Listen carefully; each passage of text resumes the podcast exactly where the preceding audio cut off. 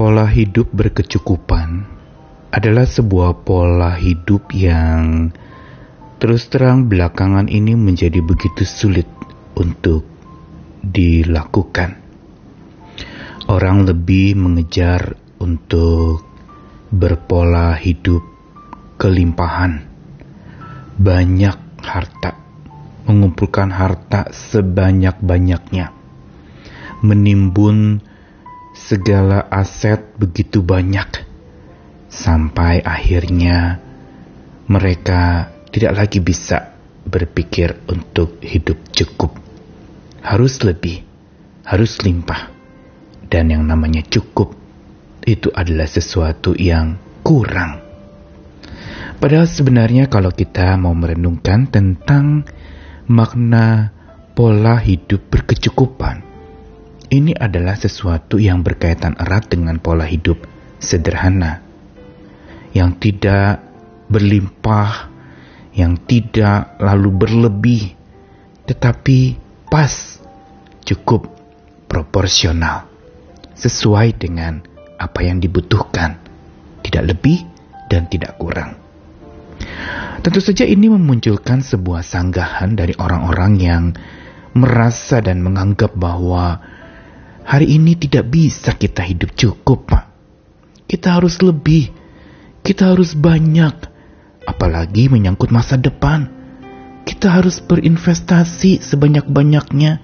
Kalau nggak nanti besok anak-anak kita makan apa? Lalu, kalau kita besok membutuhkan sesuatu atau tiba-tiba mendadak sakit, kita nggak punya dana cadangan. Susah, Pak. Nggak bisa yang namanya hidup cukup kita harus hidup lebih supaya kita bisa nabung, supaya kita bisa untung, dan supaya kita tidak kekurangan di hari esok. Ungkapan-ungkapan ini adalah ungkapan biasa yang sering kali didiskusikan dan disanggah terhadap pola hidup berkecukupan.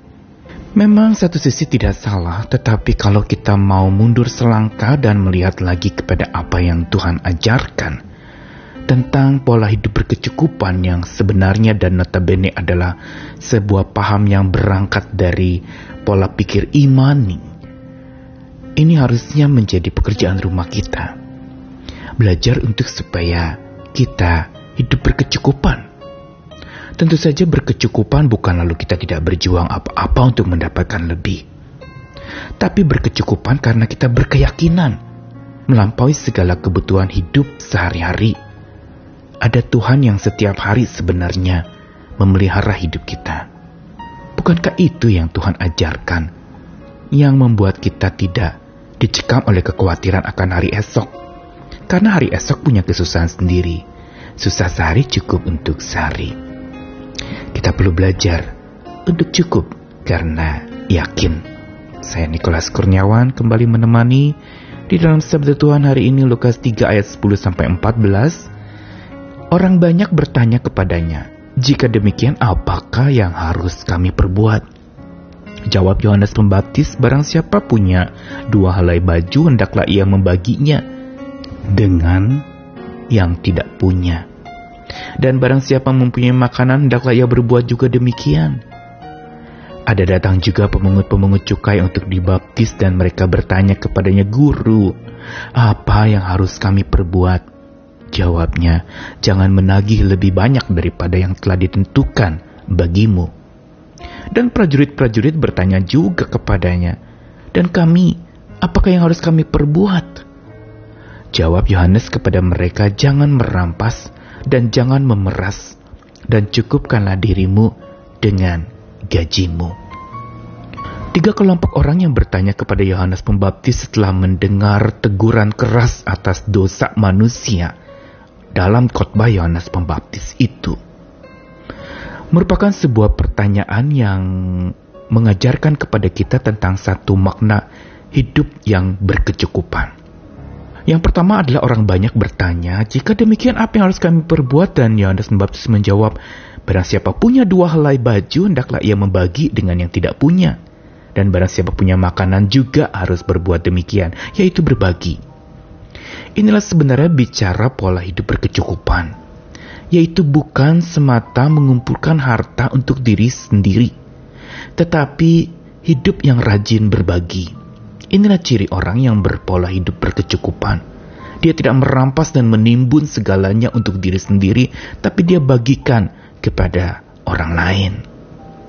Lalu yang kedua ada kelompok pemungut cukai yang setelah dibaptis dan bertanya kepada Yohanes, Guru apa yang harus kami perbuat? Dan jawab Yohanes adalah, jangan menagih lebih banyak dari yang telah ditentukan bagimu. Pemungut cukai pada waktu itu, dosanya adalah mereka merampas hak orang lain dengan menagih lebih dari hutang yang memang orang-orang berhutang kepada negara untuk membayar pajak. Dan karena itu ada pemerasan terjadi. Sehingga Yohanes mengatakan, jangan tagih lebih banyak dari yang telah ditentukan. Atau dengan kata lain Yohanes Pembaptis mengatakan orang yang hidupnya berkecukupan harusnya hidup berdasarkan kesepakatan. Bukan saja hidup yang rajin berbagi tapi rutin bersepakat. Dan ingat sepakat yang sudah dibuat. Jangan tagih lebih dari yang sudah disepakati. Di sinilah pemerasan atau orang yang ambil untung dari segala jabatannya terjadi. Lalu yang ketiga adalah para prajurit yang bertanya juga kepada Yohanes Pembaptis, apa yang harus kami perbuat? Dan Yohanes juga menjawab, jangan rampas dan jangan peras. Cukupkanlah dirimu dengan gajimu. Muncullah kata di sini, cukupkanlah dirimu dengan gajimu. Ini merupakan kata kunci yang menjadi intisari pesan Yohanes Pembaptis kepada orang-orang yang bertobat pada waktu itu dan bertanya apa yang harus dilakukan. Yang dikatakan oleh Yohanes Pembaptis itu berdasarkan dari sebuah kata dalam bahasa Yunani arkeo yang artinya adalah menjadi cukup dan memiliki sesuai dengan apa yang memang patut dimiliki, sesuai dengan porsinya, menjadi puas, content, terisi, cukup untuk apa yang dibutuhkan. Apa yang dikatakan oleh Yohanes Pembaptis ini sebenarnya menjadi intisari dari pesannya kepada orang-orang untuk memiliki pola hidup berkecukupan.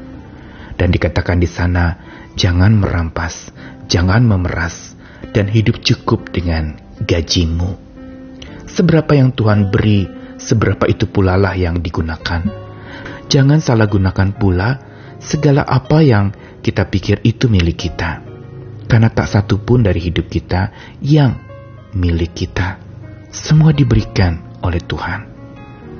Karena itu apa yang Yohanes Pembaptis ajarkan ini menuntun kita untuk memiliki pola hidup berkecukupan yang berangkat dari pola pikir yang penuh keyakinan bahwa Tuhan selalu sanggup mencukupkan hidup orang-orang yang rajin berbagi seperti orang banyak tadi yang Yohanes katakan dan nasihati. Orang yang rutin bersepakat hidup dari ketentuan yang memang Tuhan sudah anjurkan dan Tuhan sudah katakan. Rutin bersepakat, jangan lebih dari itu dan juga tidak merampas dan memeras, tapi mencukupkan diri dengan apa yang diterima.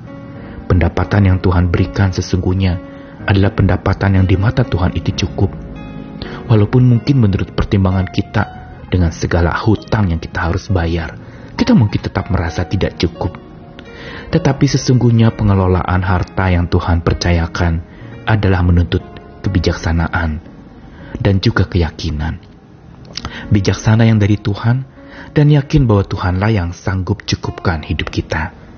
Kalau burung-burung di udara Tuhan pelihara, bukankah kita ciptaan Tuhan juga Tuhan pelihara? Dan itulah yang menjadi sandaran kita untuk memiliki pola hidup berkecukupan. Saya cukup karena saya yakin. Saya cukup karena saya bijak di dalam mengelola apa yang Tuhan sudah berikan. Dan karena Tuhan berikan, itu dia percayakan kepada saya untuk saya kelola. Mari kita belajar untuk supaya kita hidup cukup karena hidup yakin Tuhan pelihara, Tuhan jaga, Tuhan karuniakan hikmat, dan Tuhan akan terus menumbuhkan keyakinan kita. Semakin kita berbagi, semakin dia beri, semakin kita bersepakat, semakin dia turunkan berkat, dan semakin kita mencukupkan diri dengan apa yang ada. Tuhan akan pelihara hidup kita dia sanggup melakukannya. Tuhan mengasihi kita sekalian, percayalah dan percayakanlah hidupmu kepadanya. Amin.